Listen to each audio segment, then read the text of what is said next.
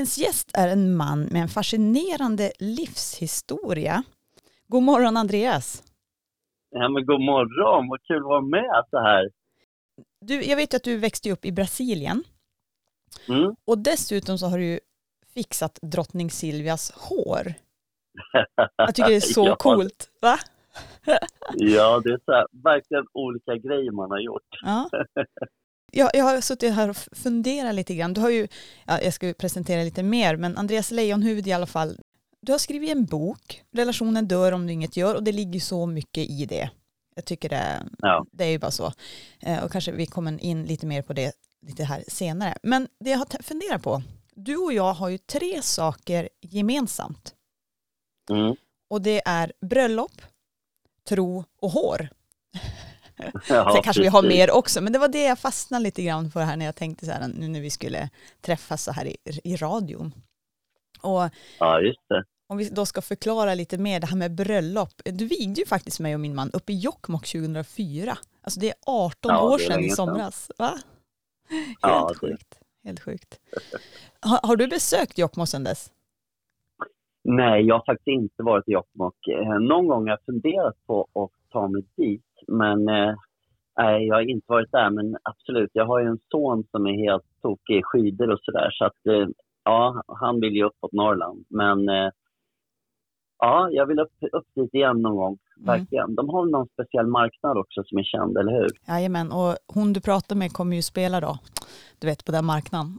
Jag har ju ett band Ja. dessutom, så vi kommer ju köra där, du vet. Nej men Okej, okej. åk upp på marknaden, det är en, en upplevelse måste jag säga. Och gillar man skidor, så några mil söder om Jokkmokk så ligger det en riktigt bra backe, eller vad ska man säga numera, skidanläggning som heter Kobdalis. En annan sak som jag nämnde, det var ju det här med, med vår gemensamma nummer två, är ju tron. Vad betyder den för dig? Nej, men den betyder ju allt i livet, absolut. Den är ju liksom grunden för alltihopa egentligen. Eh, det är tron som får en att gå upp på morgonen. Det är tron som får en att liksom hitta glädjen i, i tuffa situationer, att klara tuffa situationer, att, eh, nej, att se på livet på det sättet man gör idag. Är, eh, den är jätteviktig. Verkligen viktig. Verkligen. Ja. Ja, jag håller med. Tredje saken är ju hår Ja. som vi har gemensamt. Och jag har ju varit säljare i hårbranschen, inte, inte direkt till dig då, för det, du slutade ju för några år sedan inom, Mm. i den branschen. Men eh, du har ju arbetat som stylist både på det fashionabla Vidal Sassoon men även på Björn Ja, Axén. Vart eh, Vidal Sassoon, jag, jag kopplar ju det då till England, är det så? Ja, eh, Vidal Sassoon är ju verkligen en sån här ikon, eh, ikonvarumärke och han som drog igång det under den tiden då. Sassoon hade ju sin egna stil liksom. De gjorde verkligen såna här unika frisyrer som, som slog igenom och vissa av dem som kommer och går hela tiden egentligen. Parsen är ju verkligen Sassoon-tänkt. liksom. Alltså när jag klev in i den branschen då hade jag verkligen bestämt mig att jag skulle ge allt och och det har väl att göra med också att det, man tycker det är roligt med människor. Och, och för man kommer ju väldigt mycket nära människor i den branschen. Men jag, jag ville så mycket mer än bara ha en salong egentligen. Inte så att jag, alltså det, det var en dröm man hade. Och det här estetiska har alltid funnits i mig. Och när jag växte upp bytte jag i skolor så pass mycket. Så att, så att det var tyvärr hängde inte betygen med. Eh, och, eh, så jag tänkte så här, vad ska jag göra egentligen? Och då satsade jag i alla fall, inte så att det är dåligt att bli frisör, men jag ville verkligen satsa i den branschen. Och då ville jag ge allt och jag drog till eh, faktiskt Los Angeles och det var där jag bodde. Då hade jag tagit mitt allt, men då bodde jag i LA och jobbade på station där. Och efter det när jag kom hem till Sverige då så, så började jag hos Björn Axén egentligen. Och du jobbar ju och rent med, den resan. ja, och du jobbar ju rent Ja. med honom, med Björn alltså. Ja, det- det var väldigt kul. Björn var ju en fantastisk, eh, vad ska man säga, visionär, konstnär. Han, nej men han, gjorde, han var ju väldigt tidig i att skapa en salong som han gjorde egentligen. Det var ju väldigt annorlunda typ av salong mot andra då. Och det kom ju folk från hela världen dit och klippte sig. Och det, vi hade visningar, vi hade shower, vi åkte hem till hemliga gäster och klippte. Vissa kom inte ens till salongen. Eh, när det gäller kungafamiljen åkte vi hem till dem, så där var vi ju då ute på Drottningholm. Och var en speciell procedur då när man gjorde det.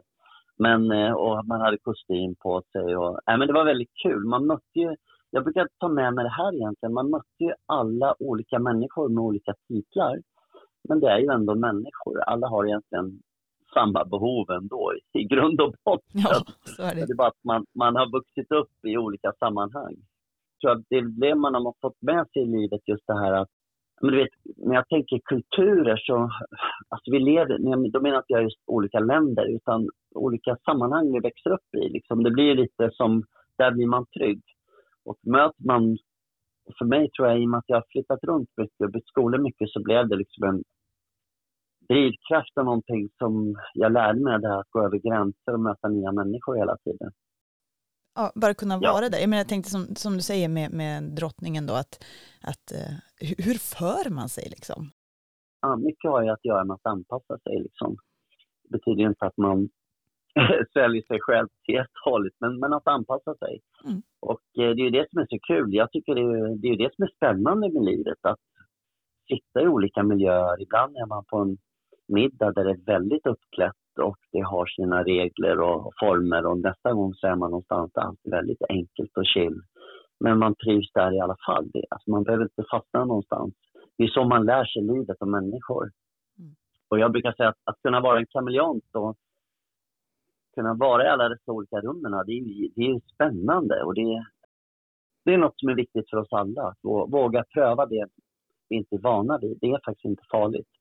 Men absolut, när vi åkte dit då så var det aldrig så att vi pratade bara med henne. Vi hade ju en, allt hade en viss procedur. Så det var, en viss, det var ju vissa regler för saker och ting när vi var där och klippte kungahuset. Så var det ju bara. Men det var ju väldigt spännande.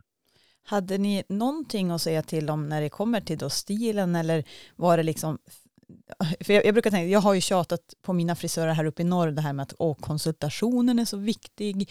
Hur, Mm. Konsulterar du drottning eller kungahuset eller var det liksom så här ska du göra?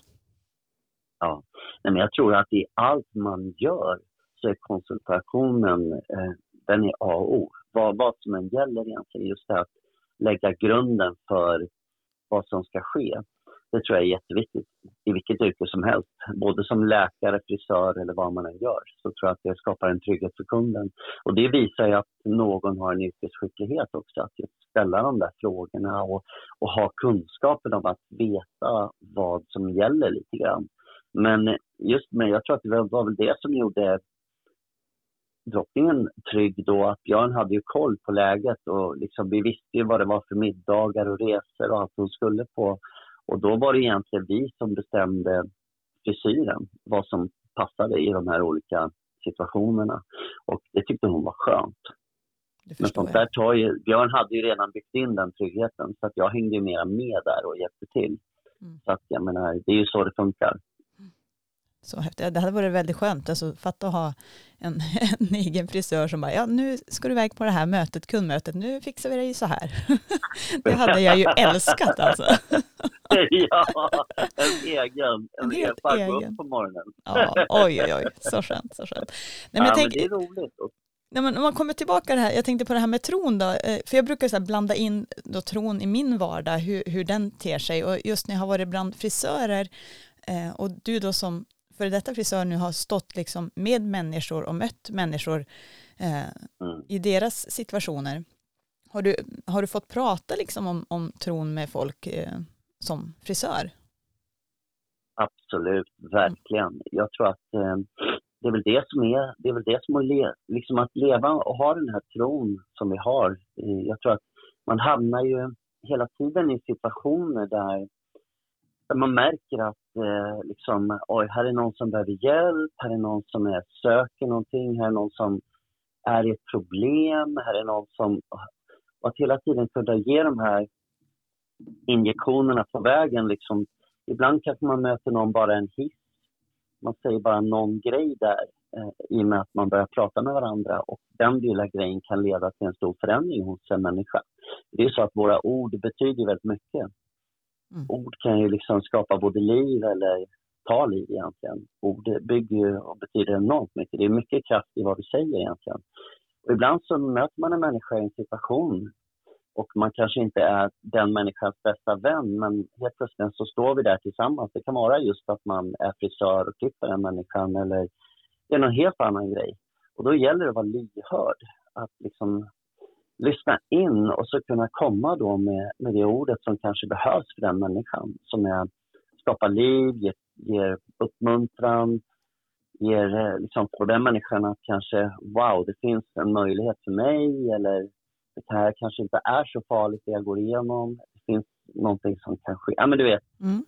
Och där tror jag också att vara Ja, och det, det tycker jag är det häftiga med tron, på det sättet. Man behöver inte ge liksom tre timmars föreläsning.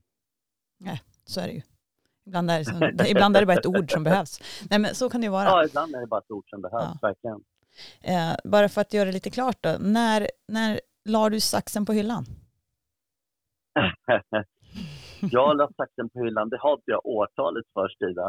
Nej, jag förstår det, men ett tag sedan. ja, jag klipper dock mina, jag klipper barnen brukar jag klippa. Mm.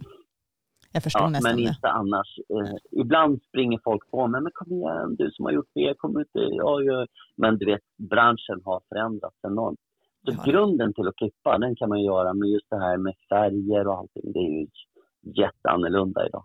Ja, man måste ju hålla sig uppdaterad. Det är, frisörer idag, de går ju flera gånger per år på utbildning, så det är ju fortutbildningar och sånt där, så att det, det händer en hel del, ja. det har du helt rätt i. Jag tänkte bara säga till de som lyssnar att du har kommit in i ett samtal här mellan mig och Andreas Lejonhuvud ner från södra delar av Sverige. Rent av, mm. var sitter du nu? Nu är jag faktiskt i Nyköping. Ah? Och eh, det är Nyköping jag bor, en underbar stad faktiskt och eh, med hela havet här en mil bort. Det är, Så det är härligt. Fantastisk stad, så är det. Och nära Stockholm och ja, Ja, du känner ju till Nyköping. Jajamän! Det var ju min kära make som kommer därifrån. Så är det. Ja. Men du, jag tänkte kolla det här, om vi bara spolar tillbaka bandet lite grann. Brasilien. Mm. Ja. Vad har du att säga om det? Ja, men det är, det är också en spännande resa. Jag älskar ju det landet. Men grejen är att mina föräldrar är ju svenska.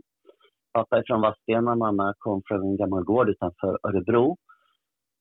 Pappa stack dit först och jobbade och sen kom han tillbaka till Sverige. Han jobbade på sådana stora rancher med boskap och grejer. Så kom han tillbaka, han var riktig cowboy.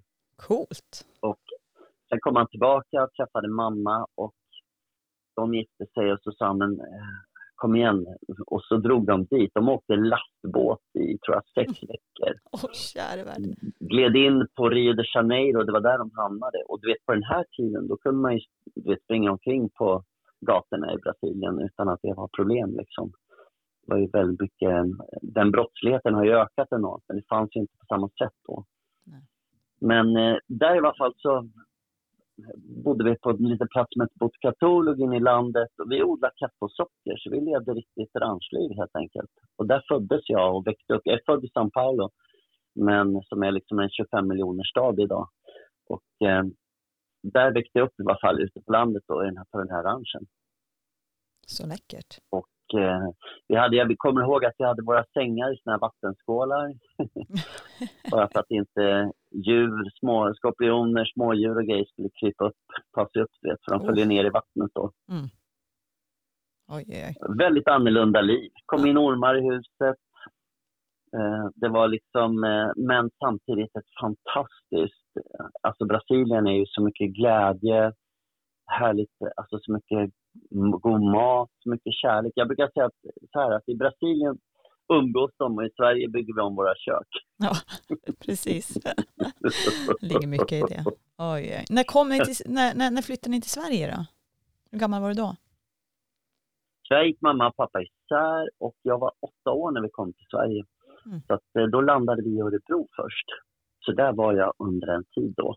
Och sen flyttade vi runt lite. Men eh, ja, jag var åtta år i alla fall när vi kom till Sverige. Jag kommer ihåg mamma skickade iväg mig till skolan i sån här brasiliansk eh, skoluniform, för det har man ju där. Just det. och, och vattenkammad sidbena, det, det var inte så hippt. Klassens coolaste kille eller inte? Nej, det var det jag inte blev. Nej. Åh. Oj, oj. Det. Fick du några sådana hemska, apropå ord då, fick du några hemska nedtryckande ord mot dig när du kom så? Nej, men det, det var rätt tufft att komma i början, för jag, jag pratade ju portugisiska då. Ja. Men eh, det är klart att eh, jag har ju tappat det helt och det, det, det, är, ja, det är sorgligt på ett sätt. Men eh, jag lärde mig svenska rätt fort. Men det var ju annorlunda. Det var klart saker var annorlunda. Det här var ju liksom 70-talet liksom. Du vet.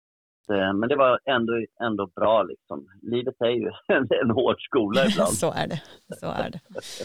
Helt klart.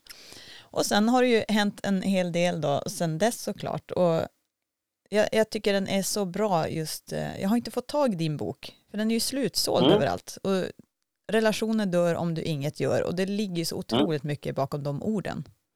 Eller bakom den. Ja, meningen. den är faktiskt härlig den titeln måste jag säga. Ja. Den är mysig.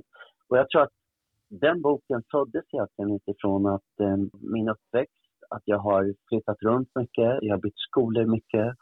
Jag har gått både i vanliga skolor, jag har gått på internatskolor. Jag, jag har varit i så många olika miljöer. Så man har liksom fått anpassa sig, man har fått förstå människor och hit och dit. Och sen bara, jag, jag tycker relationer är ett otroligt spännande ämne. Och eh, den här boken, det är inte så att jag är en guru som liksom sitter och säger gör så här så blir det bra, för så funkar det inte. Utan den här boken har mycket av, av de här enkla, liksom, gamla, sunda värderingarna kring relationer som jag tycker vi har tappat mycket i samhället idag faktiskt. Mycket handlar ju om mig själv. Liksom. Det, vad, mår, vad mår jag bra av? Och det är inget fel med det, men vi är så väldigt fokuserade på oss själva idag. Jag hade ju en tid i livet när jag jobbade mycket med ungdomar till exempel och då var man så fokuserad på dem så man glömde sig själv. Och jag kommer ihåg att den tiden var en av mina lyckligaste tider. Så att man får ju väldigt mycket av att vara en givare egentligen, att fokusera utanför sig själv. Då mår man bra. Så är det. Men du, jag tänkte bara apro- apropå också om må bra. Änglavakt är ju någonting som många pratar om. eh, Och jag har haft en gäst här Mm. tidigare som hade änglavakt när han räddade sina barn ur ett brinnande hus. Men Oj, oj, oj. du har ju också, du och jag har ju haft änglavakt kan man ju säga. Ja. Det här med, jag höll på att säga trumvilver, klippte en älg. Ja. Man kan leka med ord lite grann. Nej men eh, berätta. Vad hände? Du körde ju på två älgar. Ja, ja. Jag ska alltid vara värst. Oh. Nej, men det var ju, eh, det var precis innan, ja, det, det var en tuff tid alltså. Jag kommer ihåg, eh, jag körde från Stockholm, skulle till Nyköping på motorvägen och då hade en älg tagits upp på motorvägen så jag kom ungefär i 120. Jag kommer inte ihåg någonting, det var så pang, hela bilen var totalkvaddad. Jag har inte ens fått se hur den ser ut. Och det var en familj från Järna som hittade mig och du vet hela huvudet var öppet, käken hängde och jag var helt de stängde av hela, hela E4. De kom med helikopter och allt och hämtade mig. Och då läste jag den här, eh, vad heter det, blå, det, är något som heter Blåpunkten eller något sånt där tror jag heter. Eller någonting som polisen skriver i. Just det. Och då stod det i alla fall, han kommer inte att klara sig, står det. Oj. Och jag kommer inte ihåg någonting, men jag kommer ihåg när jag vaknade, jag bara tittade upp och så känner man ju efter, oj, kan jag röra benen, händerna? Det var en så här läskig situation. Men jag klarade mig väldigt bra. Det blev en otroligt sån här livsomskakande grej att vara med om det där. Så att jag, jag bestämde mig i alla fall att jag ska inte hamna nu i något trauma eller... Där, där var ju tron otroligt viktig för mig. Jag, jag bestämde mig bara för att jag ska upp, jag ska komma igång, jag ska bli samma Andreas igen. Så att jag fightades ju stenhårt både med idrotten och allting. Jag, jag kom igång rätt fort med hela min kropp faktiskt. Och, men jag var lite dum. Jag sjukskrev mig inte, det skulle jag ha gjort. Åh käre värld. Eh, ja, den där, egentligen, alltså jag, de skulle sagt till mig att göra det. Jag var igång. Du kommer ihåg, jag jobbade i mitt andra bolag då, så jag var ute och föreläste mycket. Jag kommer ihåg att jag var ute och föreläste inte alls lång tid efter det. Jag såg ut som en med i ansiktet. jag fick förklara, det, ni får ta det lugnt här idag, jag har bara kört på en älg. Bara, chockade. Publiken. Tala om så icebreaker. ja, det var en riktig icebreaker. Oj, oj, oj. Ja. Men tack och lov att eh, änglarna var med dig och din tid var inte ute kan man ju säga. Nej, det De var hade fel. inte. Polisen. Ja, och där har man ju också funderat. Det är här tankar som har gått med en ibland. Hur kommer det sig att jag klarar mig? Vad var, vad var syftet med det? Vad är det jag ska göra som jag har missat? Så där kan man känna. Är du med i tankarna? Jajamän. Vad är, vad är, det, jag, vad är det jag ska göra liksom? Vad är det som säger att jag verkligen inte är färdig? För människor försvinner faktiskt runt oss för tidigt också. Så att, eh, ja. Nej, min, min dotter Ja. sa det när jag, när jag kom hem med bilen på, jag fick ju skjuts hem av han som hämtade upp bilen, vad heter det, bärgaren. Och så tittade hon på mig och hon var, ju- var hon då, fyra år, äl- mellersta tjejen. Och så tittade hon, mamma dodde Ja. inte, sa hon. Jag bara, nej mamma dodde inte, tack och lov. Så att eh, Ja. eh, det blev skrot av den bilen också. Ja, Men jag tror de kan ha kunnat repa den. Jag, jag såg den, jag tänkte ju att jo men då kan jag köra hem. Men det gick inte ser du. Mm. Jag såg inte så mycket ut genom den bilen och hade ju glassplitter och sånt i ögonen. Men långt ifrån en sån smäll som du var med om. Mitt tak drogs ju av liksom. Det tog jag. Du fick en cab. Huvudet var det med det. Oj, ja. Du ser, det är, inte, eh, det är inte att leka med de här stora, stora djuren som rör sig runt Nej, vägarna. verkligen. Mm. Nej, men så är det ju. Ja. Men du, alltså jag är jätteglad att du har velat vara med mig den här morgonen och jag tänkte få avsluta det här, eh, den här lilla härliga mysiga stunden med dig och eh, få ställa fem snabba frågor. Är det okej? Ja, absolut. Ja, kör. Är du en morgon eller kvällsmänniska? Jag är tyvärr en kvällsmänniska. Jag hade, men ja, det måste jag förändra. Det ska jag skapa en förändring för. Men på kvällen brukar jag komma igång. Eh, Det är då jag tränar. Det är då jag också kör mycket med jobbet. Så att eh, jag sitter i datorn och grejer. Men det är skönt att komma upp i tid. Så du får börja jag lyssna på så här på morgonen då så att, så att du kommer igång Ja, på morgonen. Absolut. 2022, morgon, bli morgonmänniska. Okej, kaffe Ja. eller te? Kaffe, absolut. Jag älskar kaffe. Hur många koppar per dag? Ja, men Brazilian, alltså jag dricker nog en... eh, Det kan vara olika, men kan, ibland kan det vara tio koppar. Eh, Jag har nog ingen koll på den. Eh, Ett men gäng, eh, ja, ett gäng helt ja, enkelt. Mm. ett gäng, absolut. Springa eller styrketräna? Styrketräning, jag tränar jättemycket och det har jag alltid gjort. Alltså. Blandning av, alltså löpning gör jag inte så mycket idag, men när jag tränar kör jag så att det är puls mycket. Det, alltså, träningen har varit en väldig investering för mig, både efter olyckan men också i hälsa och liv, rent utav. Mm. Du, ursäkta, jag hörde, får jag säga en sak? Jaha, absolut. Jag hörde, nej men jag hörde en så bra grej. Jag hörde, det var någon som sa så här, om, om, om du skulle ligga på din dödsbädd och tre vänner kom till dig, kroppen, själen och hjärtat som stod bredvid dig, vad skulle de då säga? Den tyckte jag var så himla bra. Den var bra. Då tror jag min, min kropp skulle säga, ja men du tog väl hand om mig i slutet där. Mm. Ja men helt klart. Och det, jag brukar snacka om det också, det här balans i livet, det är ju ande, själ och kropp. Och kroppen tar, Ja. vet vi oftast hur vi tar hand om, men ibland är det svårt med anden och själen. Liksom. Hur gör vi där? Absolut. Alltså lite så. Ja. Ja. Men när det kommer till styrketräna och frisörer, lite snabbt här så ska jag bara inflika att jag var iväg med ett gäng frisörer uppe i Luleå och gick på någon sån här, vad kallas det då, inne i styrkehallen. Man, man gick runt till olika sådana här eh, stationer. Och jag har Ja. aldrig kört med sådana här pulsband, så jag körde på med pulsbandet och hade ju ingen aning ens vad jag skulle ha i puls. Så jag låg väl där på 185, nej inte vet jag, alltså det var tydligen jättehögt sa de när jag var färdig. Ja. För jag kände efter en timme med det där så jag bara oj, jag kunde knappt stå upp. Så då satte jag mig ner och så bara och alla frågar hur är det? Jo, ja men det är bra säger jag. Men sen så märker jag att jag kommer inte ta mig till bilen. Så att eh, någon läkare där sa, alltså är det någon som har socker, för allt är ju sockerfritt. Han bara, är det någon som har socker? Så jag säger, ja men jag har liksom Dextrosol i bilen. Så jag gav min bilnyckel till en helt så här okänd person som gick och letade upp min bil i Luleå och eh, hämtade Dextrosol. För jag, Är det ja, sant? så att frisörer och styrketränare, vi säljare, vi får hålla oss från det alltså. Det, vi hänger inte med. Oh my god. Ja, du vet, så, sånt som händer. Sånt som händer. Ja. Ja, men tillbaka här då, grönsaker eller kött? Eh, Jag har börjat mer med grönsaker, jättemycket mer. Eh, Men eh, alltså en god köttbit är ju alltid det är fantastiskt gott. Alltså. Så är det. Gärna vilt om man får tag i åh, älgfärsbiffar, det är inte fel. Jag har, älg, jag har älg i hela frysen här, så det Ja, Eh. älgfärsbiffar med råröda lingon, det är Grymt, grejer. alltså. Det är mumma.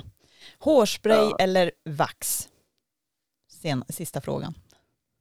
Ja, alltså absolut. eh, Då blir det ju vax, men inte sånt här kletigt vax man inte kan tvätta ur som bara bygger sig in i håret, utan mera fudge i så fall. Se där. Ja, Jättekul att ha med dig den här morgonen. Jag är så glad att du tackade ja. Och nej, men absolut. för att sammanfatta lite snabbt så är det så här, det gäller att vara lyhörd och lyssna in och att ord kan skapa liv. Är det något man, som du har fått lära i livet så är det anpassning, lyhördhet och relationer kan man väl säga. Lite snabbt så, Ja, sammanfattningsvis. Mm. verkligen. Andreas Lejonhuvud, Nyköping, tack så hjärtligt för att du ställde upp med och var, gästa mig Ja. här i Hope Morgon. Det var jättekul att vara med och jag önskar er fortsatt lycka med allt ni gör. Och sen hoppas jag att ta mig uppåt någon gång framöver. Då ses vi allihopa. Det Det, absolut, det tycker jag.